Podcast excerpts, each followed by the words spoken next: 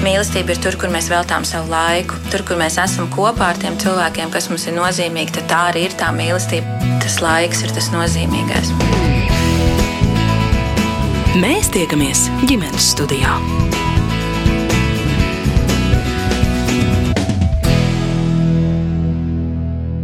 Labdien, un esiet sveicināti ģimenes studijā. Mani sauc Agnese Linka, un šodien, kā alažu piekdienās, aicinu kopīgi doties ciemos. Šoreiz uz Valmieru. Mārcis un Anna Kārkliņi ir jauni un jau trīs bērnu vecāki. Viņu atvasēm neliela gadu starpība, kā vēlāk noskaidrojam, šodien būs viena tāda nedēļa, kad viņi varēs teikt, mūsu bērniem ir 3, 4 un 5 gadi. Sākotnē ieguvuši citas profesijas, tagad abi var teikt, mēs esam skolotāji, jo projekta mācīt spēks laikā uzsākuši gan pedagoģijas studijas, gan arī darbu skolā. Par to, kāds ir šīs profesijas gandarījums un grūtie brīži, viņi runā gan aizrautīgi, gan arī ļoti atklāti taču galvenā prioritāte viņiem ir ģimene, tāpēc mūsu saruna arī par to, cik atšķirīgi katrs no trim bērniem ienācis ģimenē un cik dažādām emocijām gājuši cauri viņi paši, tapdami par vecākiem. Satiekoties, mazie kārkliņi vispirms man priecīgi rāda nu pat nopelnītos našķus.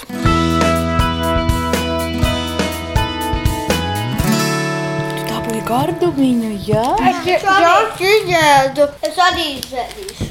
Vai jūs dabūjāt tos gardumiņus par to, ka jūs darījāt labos darbus? Jā, kas jums bija jādara? Pēle sāboli. Bet rudenī tas ir ļoti svarīgs darbiņš, ja dārzā ir daudz ābeles, vai ne? Kamēr mazajiem kust mutes, mēs varētu sākt iepazīšanos ar vecākiem, un tad arī viņi gan jau būs savus našķus apēduši. Es esmu Anna.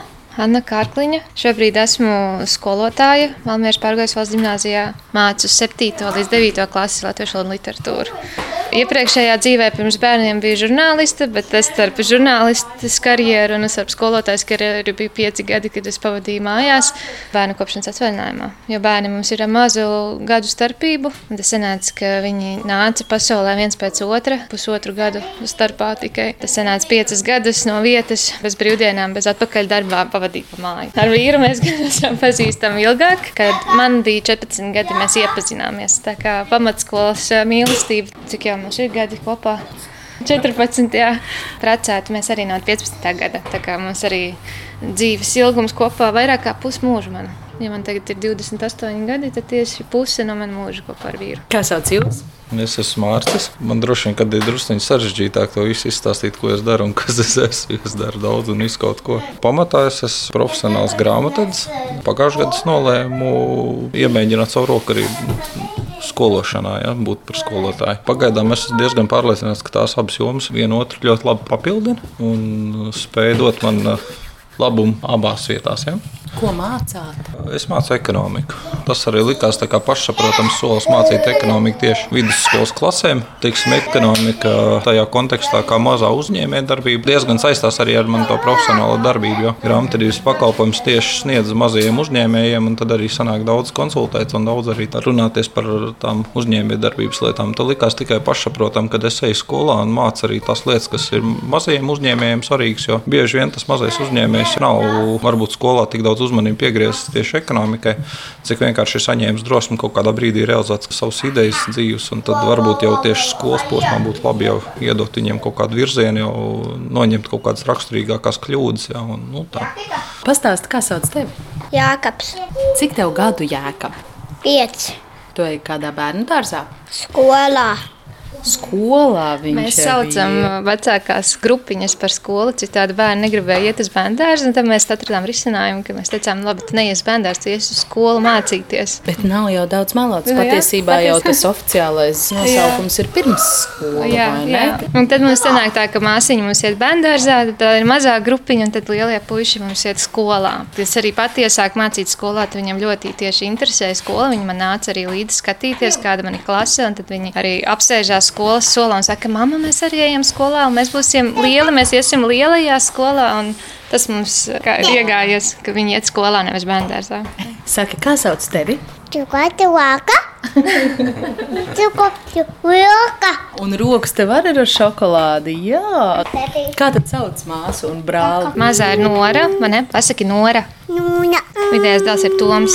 Cik vecs ir Toms un cik vecs ir Nora? Tomiņam ir četri gadi, tikko vasarā palika. Un māsai novembrī būs trīs gadi, šobrīd ir divi. Tad būtībā diezgan drīz jums būs tāda situācija, ka jūsu ģimenē aug bērni, kuriem ir Tad tu arī pa 3, pūci. 4 un 5 Jā, gadi. tas ir mums decembrī viena nedēļa. Tiešām tā arī ir. Ka viens gads, divi, trīs gadi, un tagad atkal būs. Jā.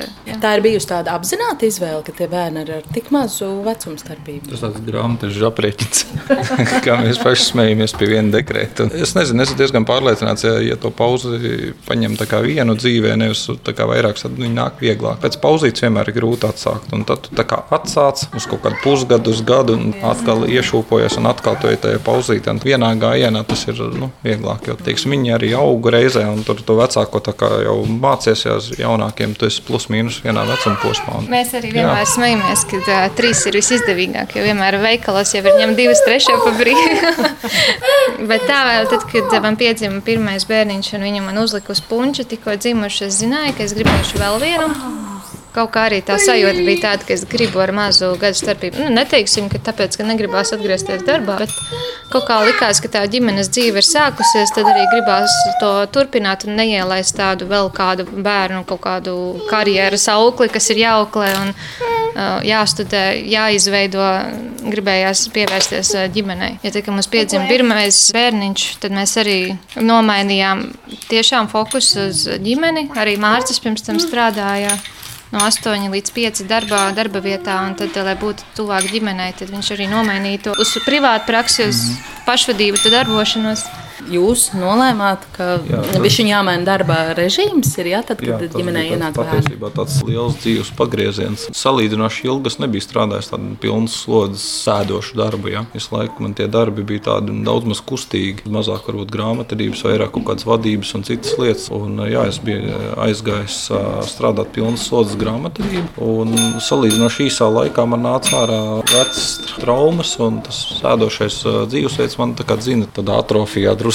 Aug, aug vēders, muskuļi atrofējās, taisnība jēga piedzimšana. Tas tāds brīdis, kad es, es sapratu, ka Nu, es tā nevaru turpināt. Vienkārši vienā brīdī, kā es pats to nosaucu, vēl no 30, un drīz, drīz tepat tāda pusi invalīda paliek. Un, nu, vismaz pašam tāda tā sajūta bija tāda, ka es nevaru kustēties. Bērni augs, viņi būs jāskrien līdzi, būs jāceļ. Un, nu, gribās būt tam foršiem tētim. Ja? Un es sapratu, es tā nevaru turpināt. Vienkārši sēdēt un gaidīt, kad es palikšu vecs. Ja? Un tad arī nolēmām, ka tas tāds labs brīdis ir patiesībā mēģināt. Tajā brīdī arī cilvēki vērsās pie manis, vai es viņiem tā kā varu palīdzēt sakārtot. Un tā studijas, tās arī gāja grāmatvedībā uz finišu, kas arī rezultējās taisnē ar to grāmatvedības certifikātu. Tas bija tāds labs brīdis vienkārši ņemt un pateikt, ok, es eju uz priekšu.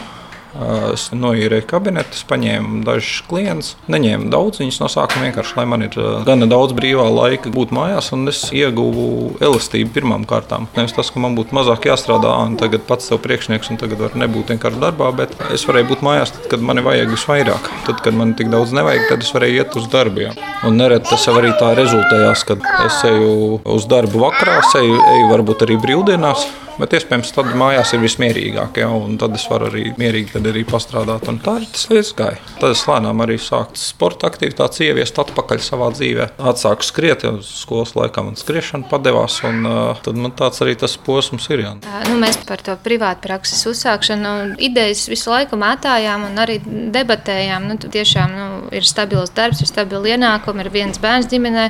Cik tas ir riskanti vai droši šobrīd pāriet uz privātu praksi, tīpaši, ka Mārcis tiešām sākumā nebija tik daudz klientu, ka varētu nodrošināt, nu, ka tiešām var brīvi dzīvot. Bet tad viņš atnāca vienā vakarā mājās pēc sava 8 līdz 5 darba un nosēdās uz divāna. Un man arī par to dienu ir sakrājušies visādi kreņķi ar pirmo bērnu. Un, un gribās, lai viņš palīdz, bet es redzu, ka Mārcis ir tik iztukšots un viņš skatās uz mani ar sarkanām acīm. Tikai sešos vakarā, ka viņš man nespēja vairs palīdzēt, ka viņš arī vairs nevelk ne to stresu, kas notiek mājās, kad ienāk bērns, un vēl arī to darba stresu. Tad es sapratu, tiešām tas man bija tāds, nē, labi, Mārcis, kā būs, tā būs, bet uh, mēģini, kad mums viss sanāks, mēģini kaut ko mainīt tajā visā, jo tas nav normāli. Kopumā tas pirmā bērna pusotras gads man bija diezgan izaicinošs, jo man pašai bija pēcdzemdību depresija, ko es, protams, sapratu tikai pēc tam, kad esmu no tā visa izgājusi.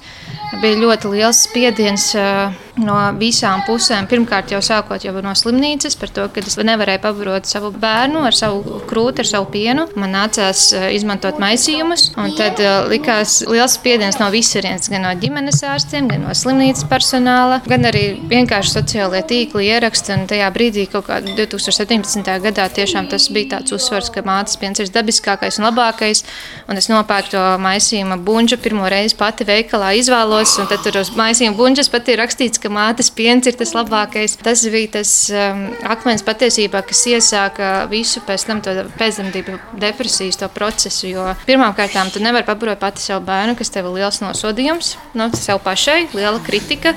Ja tīpaši, ja tas cilvēks, uh, kurš saņem šo kritiku, ir pret sevi ļoti kritisks, tā kā es esmu.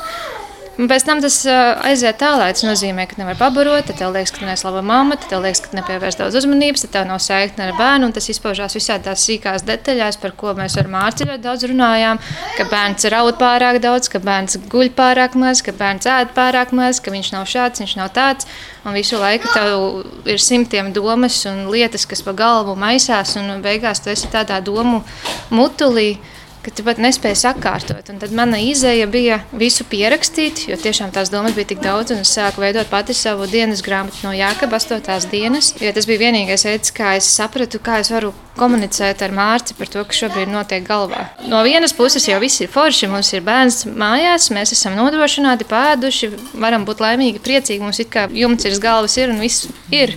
Bet no otras puses, tā iekšējā pasaule ir tik ļoti satraucoša un tāda gandrīz tā kā sabrukusi. Tās visas lietas, kas bija tik ļoti pierastas, pēkšņi liekas tik ļoti svešas. Es uzrakstīju šīs visas sajūtas Mārcim, un tad es devu viņam izlasīt, kā es jūtos, kas manā galvā notiek. Un tiešām rakstīt nevis tā, lai ir smuki un tālaini, bet tiešām tas, kas nāk ārā, pirmais to es arī rakstīju. Jo tas pirmā bērna posms bija tiešām grūts, psiholoģiski grūts sagatavoties. Lai gan pirms dzemdība tas posms dekrēta paša sākuma bija man, man dažreiz vislēmīgākais uh, dzīves brīdis, jo man bija savs uh, rituāls, savs laiks, kad es ceļos, es varēju nu, mierīgi, brīvi dzīvot, kā gribās. Un tad pēkšņi jā, viss, var teikt, sabruka, viss man zināmais sabruka. Es atceros, atnācu dzīvoklī pēc slimnīcas, un tiešām pat gulta, kas ir mana, skapis, kas ir mans drēbes, kas ir manas, man viss liekas tik svešas, tā kā ne manas, viss ir citādāk, pilnīgi citādāk. Pierakstīt jau sākās no slimnīcas laikiem, kad ir jāpierakst jāpieraksta, kad bērns ir nokārtojies, cik viņš ir pāēdis un cikos. Un tad es turpināju šādi pierakstīt vēl pusotru mēnesi mājās pats savā kladītē, jo man likās, ka tā ir pareizā vienīgā, vienīgais veids, kā dzīvot ar bērnu mājās, ka ir jāpieraksta pilnīgi viss. Grāmatvedība. grāmatvedība, kārtīgi grāmatvedība. Man aizgāja tik traki, es atceros, ka es pat sāku pierakstīt, kad viņš smaida, kad viņš raud kad ir mums ģimenē tie krīzes brīži. Es nezinu, kāpēc man tajā brīdī likās, ka tas ir tas, kas ir jādara. Un beigās uh, es to atmetu tad, kad uh, Jākaps saslima pirmo reizi ar uh, laringītu. Maziņš viņam bija tikai 3 vai 4 mēneši. Un tad mēs braucām uz slimnīcu, un es aizmirsu klāstu mājās. un es vairs nevarēju pierakstīt. Bet, uh, No vienas puses, jā, mēs bijām slimnīcā, no otras puses, slimnīcā man bija blakus citas mammas, kas man parādīja, ka ar maisījumu arī ir labi un ka patiesībā jau tas maisījums ir tev kā palīgs, nevis kā mm. biedrs. Par to ienākšanu, par otrā bērniņa ienākšanu, jā. ja tas sākums bija arī ar šādiem sarežģījumiem, tas jūs jā. Neatturēja, nelika šķēršus, tomēr to otru bērniņu arī ielaist savā ģimenē. Nu, lūk, Toms pieteicās pēc mana tā saucamā varavīksnes bērna, laikam to es tagad saucu, jo man pēc Jākapa piedzimšanas bija pagājuši trīs mēneši, kad man bija pieteicies otrs bērniņš, bet, diemžēl, viņam nebija sirdspūksta. Man nācās apstādināt procesu, tad uh, pieteicās Toms. Bet tajā brīdī es jau biju tā kā nostabilizējusies uz kājām, vēl nestabili. Bet man kaut kā likās, nu, tas nosūtījums jau laikam, ka es ne, nevarēju izbaudīt to pirmā bērna procesu. Kā tas ir, ka tev ir maziņš, ka tu vari aptaustīt, pasmaržot, sataustīt, un ka gribējās otru bērnu un tā kā vilka uz otru bērnu. Varbūt jā. jau ar to mieru. Jā, Toms ienāca diezgan mierīgi, bet arī neteiksim, ka bez, bez nekāda tāda iekšējā kreņķa, tā teikt. Man gribās teikt, ka pirmais bērns ir tiešām tas ir visu zināmo nobrucināt un salikt pa jaunam, un tur ļoti daudz pielāgošanās jauniem apstākļiem. Bet, kad otrais bērns ienāk ģimenē, tas ir vairāk par psiholoģiju, mammas psiholoģiju. Vai tevis pietiek otram bērnam, vai tev pietiek mīlestība, vai tev pietiek uzmanība, vai tu vari dot to pašu, ko tev pirmam bērnam. Tev liekas, ka tu to pirmo bērnu atstāji maliņā, un tad ir tāda savas psiholoģiska sakārtošana, ka patiesībā jau nē, tu jau esi pietiekama visiem, tev mīlestības pietiek visiem. Tu esi kā svece, kā mana oma saka, kas dod liesmiņu katram bērnam, nevis kādam vairāk vai kādam mazāk. Un tad, kad Noriņa pieteicās ģimenē, tad jau mēs jau bijām tiešām jau apraduši ar visu. Noras ienākšana tiešām bija ļoti, ļoti mierīga, bez nekādiem kreņķiem vairāk. Kā viņi tagad visi trīs savā starpā sadzīvo ar tām mazajām vecuma starpībām? Nu, ir tā, ka nav viegli, bet grūti arī nav. Tā es vienmēr visiem saku, ka jums nav viegli. Jā, bet viņiem, bet viņiem savstarpēji ir, manuprāt, ļoti labi. Es gribētu, protams, tā teikt. Mums ir lielais brālis, kurš ir uzņēmies vecākā brāļa lomu, un tas nāk ar saviem plusiem. Viņus, protams, viņam ir ļoti liela atbildības sajūta. Ja pašā brīdī viņš ļoti satraucās un ļoti emocionāls un līdzpārdzīvo saviem brāļiem un māsām. Un līdz ar to ir jāpievērš vairāk uzmanības vecākajiem bērnam. Neuzkraut tik daudz pienākumus jau piecos gados, jo viņam šajā gada janvārī sākās stostīšanās. Un, manuprāt, tas bija tieši no stresa saistībā. Mēs vēl braucām uz milšu terapiju, lai noskaidrotu tās stostīšanās cēloņus. Bet mazie, mazie jau nāca pasaulē jau tā kā komplektā ar kādu. Viņiem nav teikts, tu tagad esi lielais lielais brālis, tev teikt, jādara šī tā vai tā. Lai gan Toms arī skaitās lielais brālis, bet nezinu, kāpēc tā visa atbildība aiziet Jākabam, kurš visu labāk saprot, jo viņam ir vecums lielāks. Tad mazais ar vidējo plēšās, ķīvējās, kaujās, bet mīļojās un sadzīvo un spēlējās kopā. Tā kā viens ar otru īsti nevar, bet bez arī nevar citas dienas. Un vecākais ar visiem jā, sadzīvo. Vecākajam tagad tas vecums, ka viņam prasās savu telpu vairāk. Ir tā atšķirība, kā ir vērot tādu trīs bērnu savstarpējo dinamiku. Ja tu pats esi bijis brālis vai māsa, vai arī ja tu esi audzis viens. Vai jūs paši esat brāļi un māsas kādam? Jā, to ļoti labi redzēt. Un, teiksim, ir viena izaugusi. Mamā pašam ir divi brāļi un māsa, un vēl arī bariņš ar pusbrāļiem. Tā kā nu, nu es esmu no lielas ģimenes, un man redzot, ko dara man, mani bērni, jau, jau tādi paši normāli brāļu māsas, jā, nu, normāli brāļu māsu ķīviņi, un reizē arī pa kādam brāļu māsu podiņam, ko viņi nogāja. normāli. Man tas šķiet. Savukārt, es pirms bērna dzimšanas nebiju vispār tādu mazu dzimušu bērnu, jaundzimušu vispār nebija rokās turējusi. Es esmu augusi viena ģimenē. Tad man bija citādāk, jā, es vispār līdz pat bērniem pat nedomāju par bērniem, gribētu teikt. Un tā kā nebija baigā tieksme, kad vajag bērnus un vajag daudz bērnus, bet kaut kā tas dabiski vienā brīdī saslēdzās. Nu, demogrāfi ļoti daudz pūlās ap šo jautājumu, kā Latvijas iedzīvotājus rosināt, vēlēties radīt vairāk bērnu. Kas, teiksim, ir jums bijusi tā motivācija? Man jau tas liekas dabīgi, ja ir tēvs, mamma un ir bariņš bērniem apakšā. Es nezinu, mēs arī paši savā kāzdienā rakstījām savus vēlmītus, ko mēs gribētu no, no dzīves dabūt. Tā arī mēs uh, uzrakstījām pirmās trīs lietas - māja, bērni un suns. Gan galvenais nevis māja un bērni, bet māja un trīs bērni un suns. Aha. Jā, tā kā suns mums vēl nav. Tā tad bija jau tas trīs. Kaut kā, jā, iekodēts kaut kā. Tā vispār, manuprāt, tā ir kaut kāda iekšējā ģimeniskā drošības sajūta, kas veicina to, ka gribās vēl bērnus. Protams, nav stabilitātes, tad bērnus arī neplānojam. Bet es nezinu, cik tas ir atkarīgs tādā valstiskā vai politiskā līmenī. Tur ir tiešām vairāk tieši tās ģimenes drošība. Jo es ar Mārciņu dzīvoju tā, ka mums ir pieaugušas vēl viens roku un kāju pāris, un ka Mārciņam var simtprocentīgi uzticēties un sajust viņu blakus. Tā kā nevis vēl viena persona, bet kā sevi pašu. Nu, kā zināt, kā viņš jūtas un reiķināties ar viņa izjūtām. Līdz ar to, ka ir šis ģimeniskais drošums, vienalga, ka, kur tu dzīvo, vai kādi ir tavi ienākumi, vai ar ko tu nodarbojies. Tad, kad tu jūties droši ar otru partneri, tad arī tā vēlme audzēt ģimeni un nodot savu to mantojumu tālāk, liekas tāda dabiskāka. Man jau šķiet, ka tieši tas savstarpējais atbalsts tā ir, liekas, atslēga taisnība uz vairāk bērniem. Jo ir augsts vidē stereotipu pārņemtajā, ja, ka mamma ir tā, kas rūpējas par māju, un teica tas, kas rūpējas par darbu, ja respektīvi nes mājās naudu, tad viņam automātiski citi pienākumi atkrīt. Viņam pēkšņi nav māja jāslāk, viņam nav ēst jātaisa, viņam trauki jāmazgā, viņam vēl sazina, kas tur nav jādara. Ja. Patiesībā tā ir tāda novecojuša doma, es domāju, jo mūsdienās jau strādā abi vecāki ja to saskaņu dabū un abi, abi arī audzina to ģimeni, abi rūpējās par māju, tad arī dabīgi ir vieglāk iet to nākamo soli uz otro, trešo bērnu. Un, tad arī tas nešķiet tik sarežģīti. Jo. Tieši tā, un, un ja man būtu jāatbild demogrāfiem, ko mums varētu mainīt, lai palīdzētu, manuprāt, mammai, ka piedzimst pirmais bērniņš, viņa ir šajā dzemdību nodaļā un, un gaida, ka vīrs varēs viņu saņemt. Tīpaši tas bija Covid laikā, ka vīrs nevarēja būt blakus nodaļā un rūpēties gan par mammas labsvaru, gan par bērnu, kas man pietrūka. Mums ir tik daudz lieliskas pepmāmas, dūles, kas ir gatavas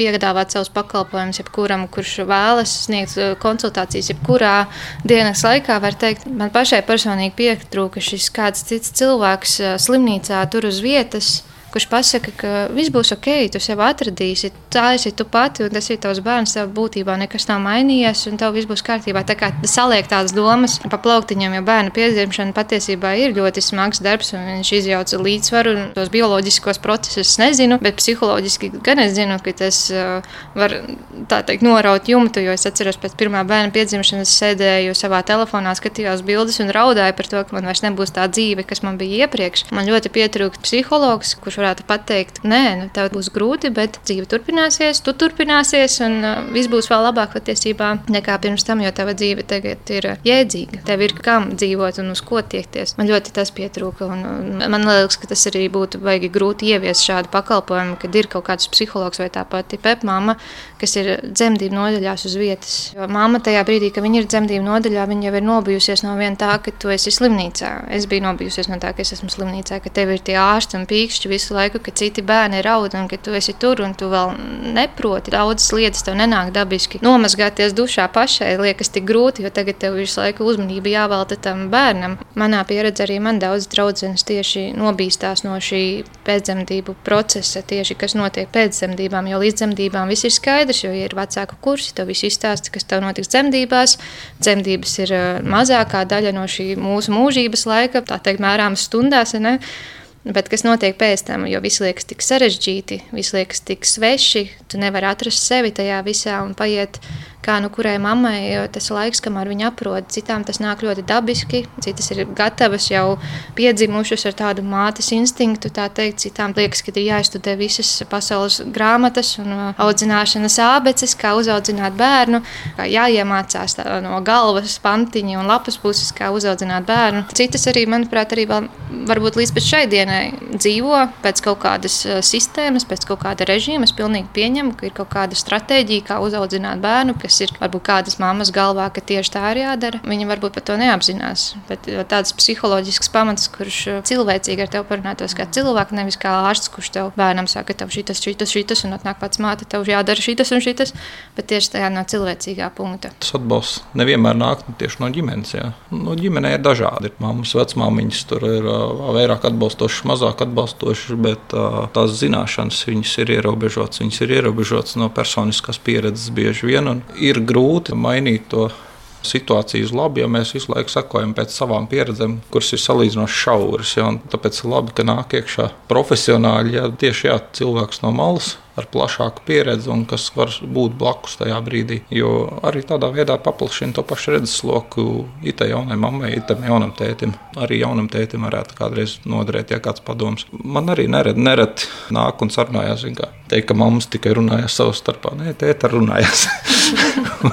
tikai viņi runājās, tad, mammas neklausās bieži vien. Nāk un jautā, kā jūs tā varat, jā? kāpēc jums sanāk, kāpēc tur citiem tā nesanāk, jā? kas jūs tas noslēpums. Jā? Bieži vien jau tā tikai vienkārši ir cilvēcīga saruna, ja, kas kuru nomāca.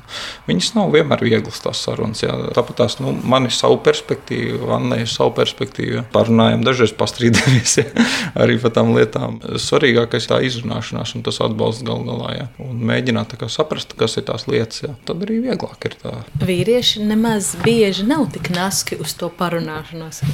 Jā, nu, vieglāk ir pateikt, ai, negribas. Jā. Tu ai, man nav svarīgi. Ai, jā. Nav svarīgi, jā. Nu, tāpēc, ka viņš nezina, viņam nav vienkārši pieredzes. Jā. Nu, vīrs varbūt ir atnācis mājās no tā darba, ja viņš grib pirmais, varbūt drusciņā atalpoties, un tad viņš ir gatavs varbūt pievērsties. Jā. Bieži vien jau sieva mājās ir nogaidījusies līdz vakaram, un tad beidzot nāk tas glābiņš, un tad reiz vams virsū. Vīrs varbūt ir to visu dienu ir cīnījies, un kā nāk pa durvīm iekšā, tā tu nākamā kauja virsū, jā. vai tas ir raudošs bērns vai tas raudošs sieviete.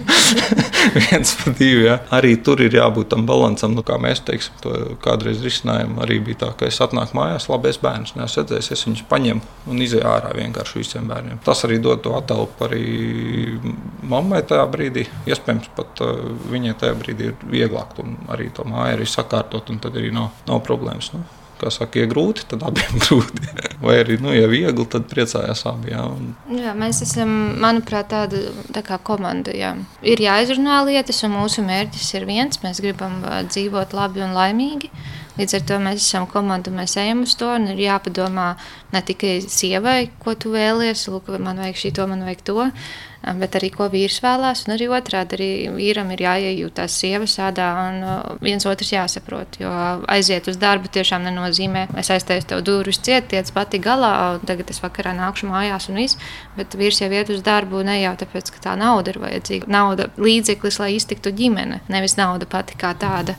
Līdz ar to tā doma arī iet uz darbu. Ir nevis pēc iespējas vairāk naudas, pēc sagrābt, saņemt, bet nodrošināt to, lai ģimenei būtu labi. Un tas jau ir atkarīgs no pašas ģimenes, kas ir labi. Un līdz ar to, jā, piemēram, mēs arī šobrīd pērkam māju, esam nopirkuši, mums tagad ir jāiekārto viss. Un es arī saprotu, ka mums vajag šobrīd vairāk līdzekļus, bet es arī pieņemu to, ka arī vīrs ir pa brīvdienām darbā, ka viņš ir vēlāk mājās. Man tas ir jāsaprot, kā komandas loceklim, kad viņš iet uz darbu mūsu dēļ, nevis tāpēc, ka gribās. Ka birojā ir foršākā. Jā, jā, ka var kafiju padzert mierīgi. Šodien ģimenes studijā tiekamies ar Kārkliņu ģimeni no Valmieras. Anna un Mārcis abi ir skolotāji, audzina arī trīs bērnus, un izskanot viņu izvēlētai mūzikai, atsākam sarunu par to, kā vispirms jau Anna izrādās vēl pirms bērnu piedzimšanas bija nolēmusi par labu karjeras pārmaiņām pedagoģijas virzienā, kas gan notikušas tikai tagad. Mēs tiekamies ģimenes studijā. Es saprotu, ka jūs bijāt pirmā, kas nolēma piedalīties mācīt spēka programmā, uh mhm. -huh. kas aicina profesionāļus gada laikā apgūt pedagoģijas prasmes kaut mhm. kādā apjomā. Kaut kādā apjomā un tad uh, riskēt lekt nezināmajā vai jā. daļēji zināmajā, doties klases priekšā. Vai jūs varat pastāstīt, kas ir tas, kas jūs šim pamudināja un kāda šī jūsu pieredze vispār ir izvērtusies? Es zināju, ka ir programma iespējamā misija. Jā. Es to zināju, tā bija jau senus gadus atpakaļ, un es arī šai iespējamajai misijai biju pieteikusies pirms pirmā bērna. Un es biju tikusi uz otro atlases kārtu, bet, tad, protams, pieci gadi pagāja. Uzrādījās mācīt spēks. Es tā neticēju. Man liekas, nu, kā, kā tā var būt, ka viena gada laikā tev ir augstākā izglītība, tu vari uzreiz jau strādāt skolā un vēl eh, saņemt atbalstu. Un tad es noriskēju, pieteicos projektam ar tā domu, nu, skatīsimies. Tas likās, ja tas būtu tā, kā tur ir rakstīts, tad būtu lieliski. Un izrādās, ka ir arī tā, kā tur ir rakstīts. Tika uzņemta. Skolotājs patiesībā ir bijis vienmēr man galvā pamata plāns. Kad es gāju vidusskolā, es gribēju kļūt par zobārsti, bet es netiku augstskolā uzņemta, jo man nebija nokārtota vajadzīgi eksāmeni, līdz ar to es izvēlējos žurnālistiku. Bet tas skolotāja pamats man vienmēr ir bijis apakšā, jo mana mamma ir eh, skolotājs, mana vecā mamma bija skolotāja, un arī vecā mammas māsa ir pensionēta skolotāja šobrīd. Līdz ar to man tā skolotāja ikdiena ir vienmēr bijusi apakšā. Un uh, pirmo reizi, kad es gribēju pieteikties iespējamai misijai, bija tieši tāpēc, ka es gribēju kaut ko pamainīt, tā kā atgriezties atpakaļ skolā, pamēģināt uh, šo skolotāja profesiju. Es esmu pateicīga projektam noteikti. Es nezināju, ka tas tiešām ir tik, tik labi. Ir uzņemšana, ir divas nedēļas nedēļas vasarā, bet man gribētu teikt, patiesībā skolotāja profesija tāpat kā uzņēmējiem ir vai nav. Tāpat kā uzņēmējs nevar tikt katrs, jebkurš katrs, ja tomēr tur ir vajadzīga kaut kāda iekšējā cita maņa, kas nepietmīt visiem. Tāpat arī skolotājiem ir tā, vai nu tu esi, vai nu, nu tā kā nē, es, nu tu vari iemācīties, protams, tā dabiskā vilkme būt par skolotāju ir vai nav. Es pats augstskolā sāku ar biznesa vadību savu laiku, un tad mums pirmā semestrī bija tāds kurs biznesa ideja. Un, uh, pasniedzējs Aigars Andersons mums teica, lai kļūtu par uzņēmēju, nevajag zināšanas, vajag iekšas. Līdzīgi var skolot. Līdzīgi. Vai nu ir, vai nu vai nav. Jā. Jā. Vai nu tev tas piemīt, tās īpašības, tie raksturi, vai arī nē. Jā. Nu, un tātad gads mācīt spēks projektā, un tad jūs ejat klases priekšā. Nē, patiesībā nē, tur sanāca tā, ka pirmajā vasarā mums bija divas nedēļas apmācības. Viena nedēļa bija neklātienē, respektīvi tiešsaistē. Mēs runājam par psiholoģiju, par pedagoģijas vēsturi, par vispārinātām metodēm, klasvedības ziņā, kā noturēt klases uzmanību, kā cīnīties ar tiem dažiem bērniņiem, kas negrib mācīties, kuri negrib pievilties eh, stundai klāt. Un te mums bija viena nedēļa arī mārcim šogad, man bija pagājušajā vasarā klātienē Jelgavā. Tiešām nedēļa, tā bija pirmā nedēļa, kad dzīvoju kojās ar savu koju istabas biedrini. Tās bija ļoti kompaktas piecas dienas, kad mums iemācīja tieši konkrēti par mūsu priekšmetu. Jo to priekšmetu, ko mēs mācām, mācīja priekšmetu, mēs nevaram tā vienkārši izvēlēties. Mums skatās pēc eh, bakalaura iegūtā kāda kredītpunkta, un tad tev ļauj izvēlēties no, no tā, ko tu esi apguvis. Līdz ar to man kā žurnālistam tā bija latviešu literatūra. Tas man likās tāds uh, tuvāk. Beidzās tas viss jūlijā beigās apmācības. Ir pirms tam jau bijušas sarunas ar skolu, ir bijusi intervija, kur ir klāts gan mācītājs, gan skolas pārstāvis, gan tu pats, kā students. Tevi pieņem darbā, te pasaka, cik apmēram tā būs klases un kura klašu grupa, jo tas ir ļoti svarīgi. Un tad tev ir vasaras, šie brīvie laiki, it īpaši, protams, ir augusts pēc šīm mācībām, kad tu sagatavo aptuveni, ko tu varētu un kā tu varētu mācīt. Un tad tu 1. septembrī ej skolā un mācies reizē. Pusgadu notiek kursi. 1. līdz 4. iet skolā kā skolotājs, 5 dienās tu mācies. Otru pusgadu tu raksti bakalauru un mācies skolā. Tas viss notiek reizē. Un jums tāda brīnišķīga loza kritus 7. līdz 9. klase. Jā. Nu, pats cukurs, kā saka, pusauģis. Bet, man, bet man arī ļoti laukumā. patīk. Tiešām man ļoti patīk, ka man bija iespēja. ka viņi ir vistrakākie. Viņi ir vistrakākie, bet viņi arī vispatiesākie. Viņi ir tādi, kādi viņi ir. Jo vairāk cilvēcīgāk pie viņiem pieeja, jo viņi arī tev cilvēcīgāk būs atpakaļ. Protams, viņi ir skaļi, draudzīgi, aktīvi, grib runāt, negrib mācīties, grib iet mājās. Bet jā, man pašai patīk labāk viņus motivēt. Mācīm ir otrādāk. Tagad graujat pilnīgi mītu par nežēlīgajiem pusauģiem. Kādas veidojas jūsu attiecības ar jūsu audzēkņiem? Nu, pirmkārt, jau bērns atspoguļo to, kas notiek mājās. Ja viņš atnāk bēdīgs, saskumis, uzvilkts vai neapmierināts, tas nozīmē, ka nu, ne jau tā kā skolotājs es pie tā vainīgs vai skola kā tāda, tur kaut kas ir dziļāk. Un līdz ar to man patīk sevi uzskatīt par atbalsta personu ne tikai latviešu valodā un literatūrā, bet tā vispār par dzīvi, par skolu, iemācīt viņiem motivēti mācīties. Līdz ar to, varbūt, piemēram, es mācīju pagājušajā gadā 7. un 8. klasi, tās nav eksāmena klases.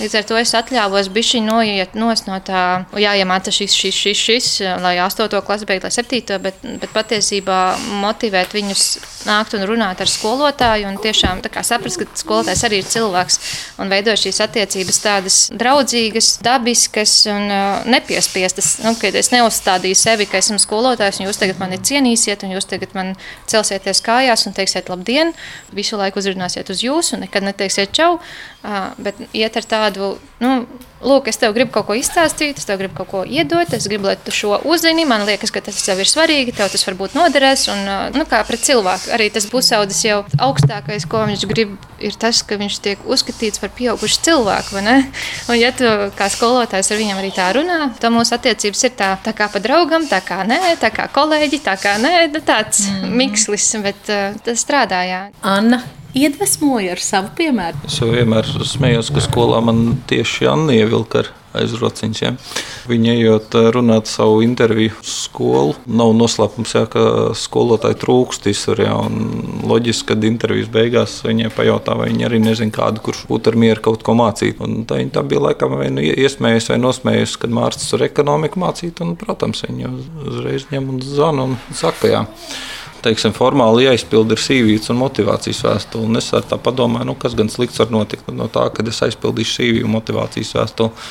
Aiziešu, parunāšos, noskaidrošu, kas tā skola tāda ir, ja, ko tas nozīmē mācīt, ja, un tā tikai formalitāte apmēram aizsūtīt CV. Es nezinu, vai tas ir absolventa nopelns, ja, nu, kad es esmu daudz maz zināms, principā uzreiz Nākamais bija darba līguma parakstīšana, nekādas darba intervijas pa vidu sanāk īsti nav. Bet nu, es esmu cilvēks, kas parasti pa tukšo nerunā. ja es izrādīšu interesi, ka es iešu, tad es nolēmu arī, ka jāpamēģina arī.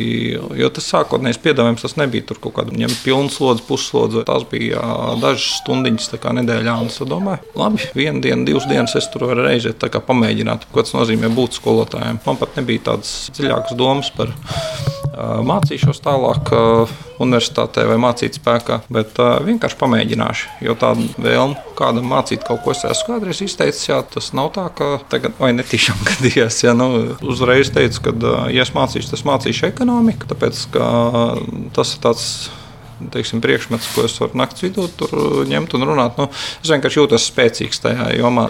Man piedāvāja mācīt arī ķīmiju, balstoties uz skolas laika rezultātiem, bet es pats labi apzinājos, ka tas man prasītu atkal nu, pašam atsvaidzināt, gatavoties. Un, nu, es ne, nejūtos, ka es to varu apvienot. Tā ekonomika tas šķita tāds dabīgs paturpinājums. Man liekas, ka tajā brīdī es vēl tur nebiju tik strikts varbūt par to pamatskolu vai vidusskolu, bet nu, šobrīd es jūtu arī, jā, ka es labāk ar vidusskolas vecumu bērniem, jā, jo teiksim, viņi jau gandrīz pieaugušie, jā, un dziļākas tēmas es varu runāt. Arī tajā savā darbā vietā es ļoti labprāt ņēmu praktikantus, mācīju kā apgūt to profesiju un, un darboties uz priekšu. Un uh, reizē Te arī noteikti stereotipu salauzīšu. Mana skola ir vieta, kur uh, tikt vaļā no grāmatvedības stresa. Jā. Nu, stereotips ir skola stresēna vieta, jā, bet uh, patiesībā grāmatvedības kantors īpaši ārpakalpojumu sniedzējiem tā ir vēl stresēnāka vieta. Un, uh, es, es tam mēdzu viņu salīdzināt teiksim, ar nelāgu aktualitāti, ir karš. Jā, nu, tad, ja salīdzinām ar fronti,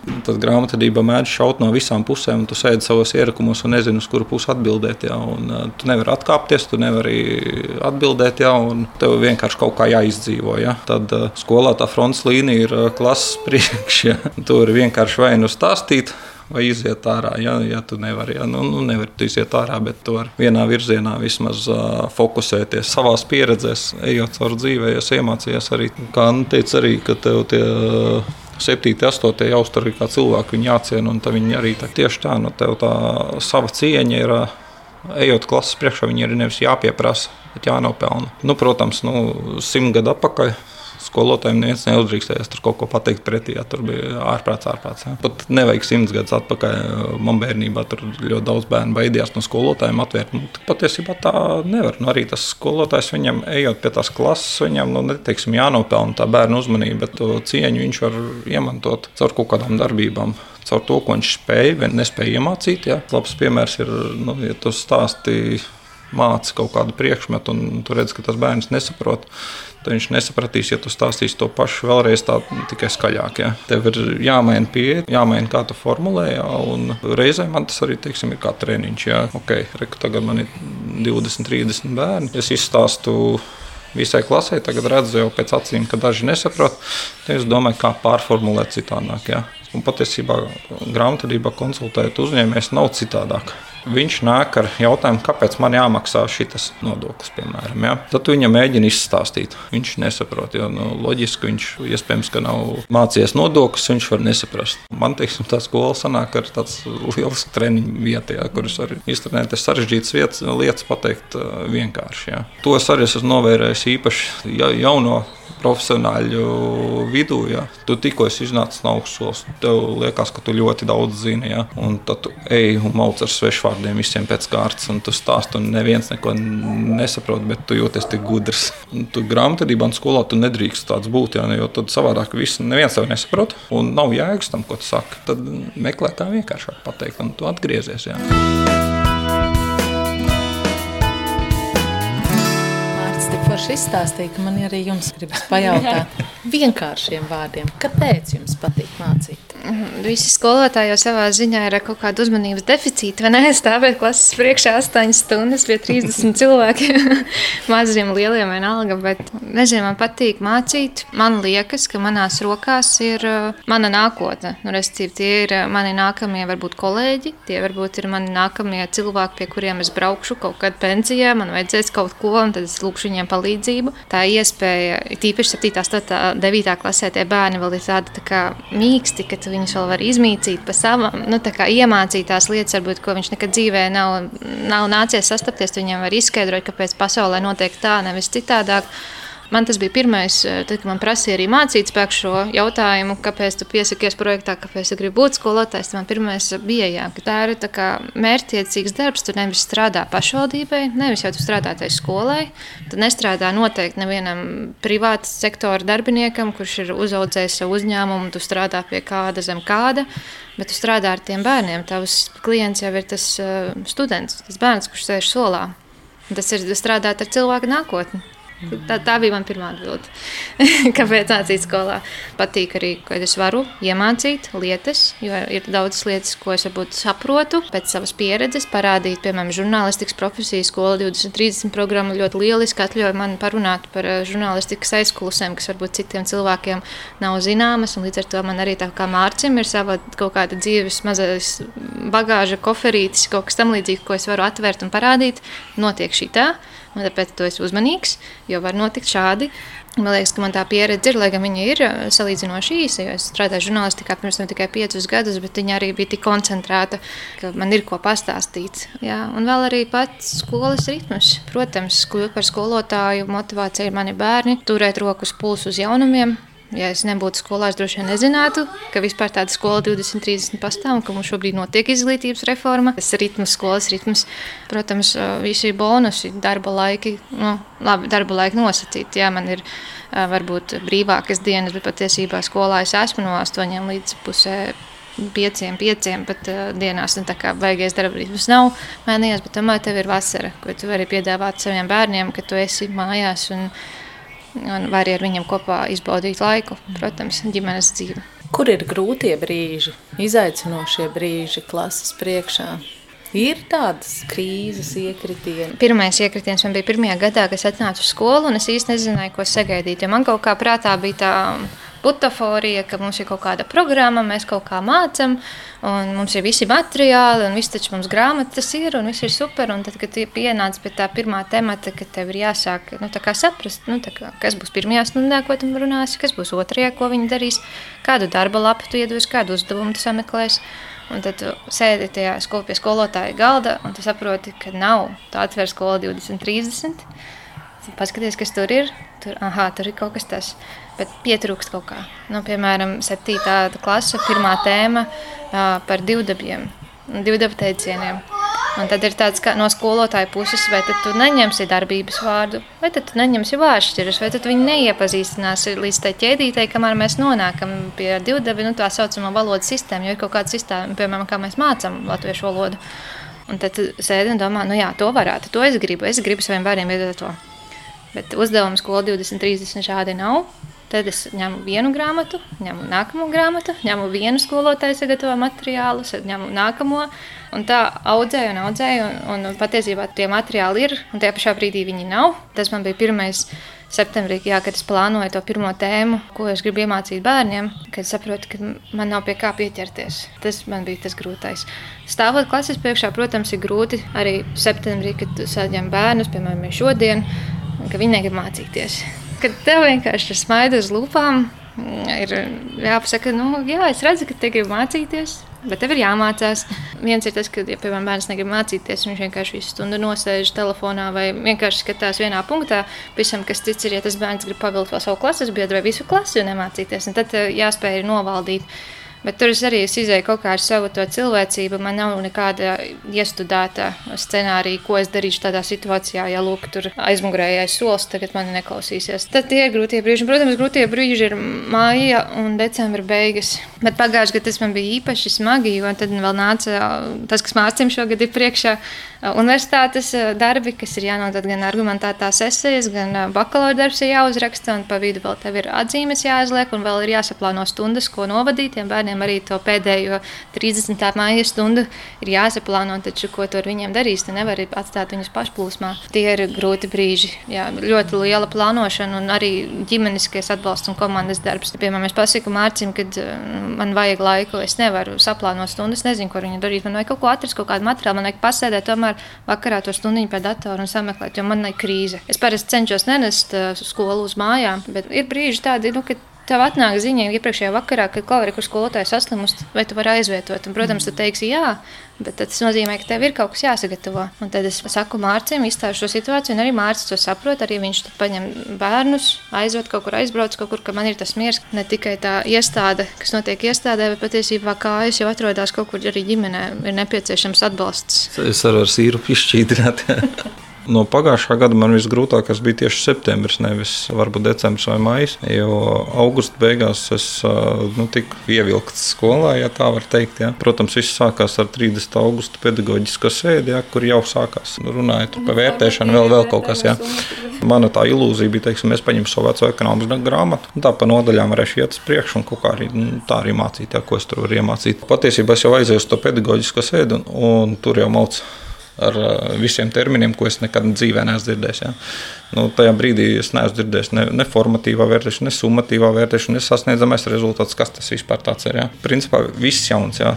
Otrs ir zināms, tas, ka vecā grāmata neder. Jaunas grāmatas nav. Tā tad pašam ir jādomā, pašam ir kaut kas. Tad tu pēti un studē tās vadlīnijas, un reizes tev skatīties tos uzdevumus. Ja. Tas attiecas iepriekšējās skolotājs. Viņš saka, ka tur uzdevumi nepareizi. Ja. Tad tu lēnām atsaki taustīties. Ja. Es jau Vannai teicu, ja es kaut ko nesapratīšu, es tev jautāšu, jo viņa tajā brīdī ir mācīt spēkā sākusi. Ja. Daudz ko jau apgūvusi jau pavasarī, un tā arī bija. Man pasaka termini, es saprotu, ko tas nozīmē. Un tu vēl kāds trīs reizes saka, skaidro vienkāršāk. Ja. Un, tā, lai bērns saprot. Un tad tas septembris ir tas moments, kad tev ir tas lielais informācijas daudzums jāpaņem, jāsaprot, kas, kas tagad notiek, kas, kas tagad ir jāmācās.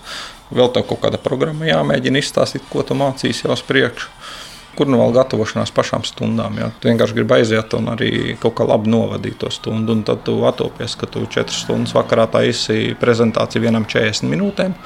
Patiesībā no biznesa perspektīvas tu saproti, tas galīgi nedara. Vienkārši ir kaut kas jāmaina, bet tu nezini, ko un kā. Ja? Tā vietā tu vienkārši to 1. septembrī, ja, kas man bija tas pirmais mēnesis, tu viņu lauzi Pēc tam jau tu lēnām ieeji, ir tas arī mentors, kas teiksim, druskuļi palīdz un pasakā, ņem vienkāršāk, ja šī to pamet no šī to paņem klāt. Ja. Un tu lēnām tajā procesā ieeji iekšā. Ja. Pie tā septembra plusā bija arī tas, ka nu, es minēju, tā cieņa jānopelnā. Ja.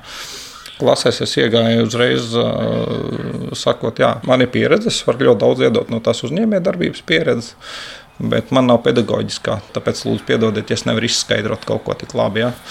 Teiksim, divām klasēm man tas strādāja labi. Viņi atvērti, viņi ņem pretī. Trešajam man testēja līdz kādam novembrim. Tad viņi tur mētāja lapiņas, vēl kaut ko, bet uh, patiesībā jau viņi visi forši. Ja? Un vienkārši viņi prasa man sev pierādīt netiešā veidā. Es ar darbībām to demonstrēju. Ja? Un vēlāk, ja tā, tiešām jau runājam par kaut kādu biznesa plānu, taisīšanu, vēl kaut ko, tad es tur tās viņu idejas pametu ar vēl trīs citām idejām, un tad viņi vienā brīdī, kā jūs tik daudz zināt? Ja? Tajā brīdī nāk apakaļ ja, tas novērtējums un tas viss, un tā cieņa pēkšņi parādās. Ja, un tad paliek forši. Ja. Vienkārši jāiet un jārok. Un beig beigās tas izrādās tā vērts. Jā. Jā. Tieši tā, man gatavošanās stundai Mārcis minēja 4 stundas, jāgatavo viena prezentācija 40 minūtēm.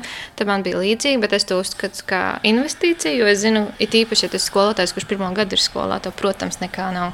Tas sāc burtiski no baltas lapas, tu pats veido šos uzdevumus. Es esmu arī atcerējis savus tekstus, jo es neko nevaru atrast, un, un tas prasa laiku, bet es zinu, ka, piemēram, nākamajā gadā, kad nāks kāda 7. vai vēl kāda 8. klasa, man jau būs vieglāk. Bet patiesībā skolotāja darbs jau, piemēram, manā galvā neapstājās īsti nekad. Es eju pa ielu, domāju, ko varētu uztaisīt. Varbūt es nerakstu tajā brīdī vai negatavoju neko, bet es domāju, tuvojās tēvu diena.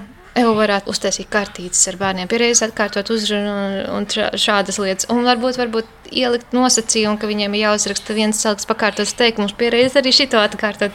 Un tādas mazas domiņas jau āķīši tev nepārtraukti ir. Tas nav tā, ka tu vari aiztaisīt durvis un ir beigusies diena, un es tagad esmu mājās un lasu abolus un dungoju pie sevis. Bet, pasībā, ja tu lasot abolus, domā, kā tu to vari izmantot klasē, ko tu ar tiem aboliem var izdarīt. Tajā brīdī, kad tu mācies, tev jāsaprot, kāpēc tu to mācies. Nu, to, ko tu gribi iedot viņiem, tev pašam jāsaprot, kāpēc. Jo, ja tu nesapratīsi, viņi pajautās tev, kāpēc mums šis jāzina. Un tas jautājums viņiem tiešām ir bieži, kāpēc Jā. man tas ir jāzina.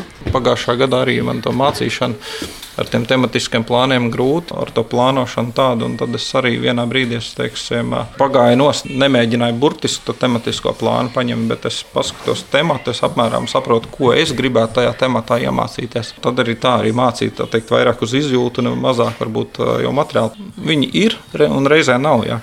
Jo nu, internets ir, ir pilns ar ekonomikas materiāliem, bet uh, jūrā zīve arī jāmāk izmakšķerēt. Ja? Jā, tā kā nu, jā, atšķiro graudu no pelavām. Jā. Jā, jā. Man sanāca pagājušajā gadā uzties, esmu daudz darba lapus un, un pārbaudas darbus un formatīvos vērtējumus, bet es neesmu paņēmusi no grāmatas darba lapu, ko es tiešām varu paņemt, izprintēt, iedot bērniem, izpildīt. Viss ir manis pašas ražots, jo tieši tā atlasīšana prasa tik daudz laika, ka patiesībā skolotājiem ir vieglāk pašam daudz ko radīt. Un tad beigās sanāk tā, ka, manuprāt, skolotājs katrs, kas mācās skolā, patiesībā raksta savu grāmatu, savu mācību grāmatu, savu procesu, jo katram tas ir individuāls. Tas ir varbūt tas skola 20, 30 skaistums un posts reizē. No vienas puses, tev ir brīvība pašam tiešām atrast to piemēru, to labāko, kā tu ar tiem bērniem nu, tieši tu vari komunicēt šo tēmu, ko tu gribi iedot. Bet no otras puses, atkal, ja tu padomā, ja vienā skolā ir trīs klases un katrā tas process notiek citādāk, tas ir sarežģītāk. Bērniem ir grūtāk pāriet piemēram no klases uz klasi.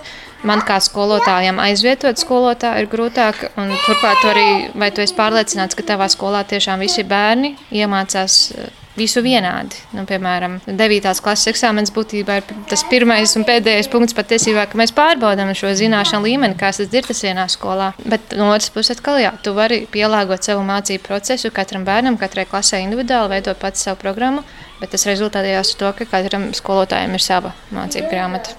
Vai tas ir vajadzīgs mūsdienās, kad ir tik daudz materiālu internetā pieejami? Retorisks. Retorisks jautājums. Jā.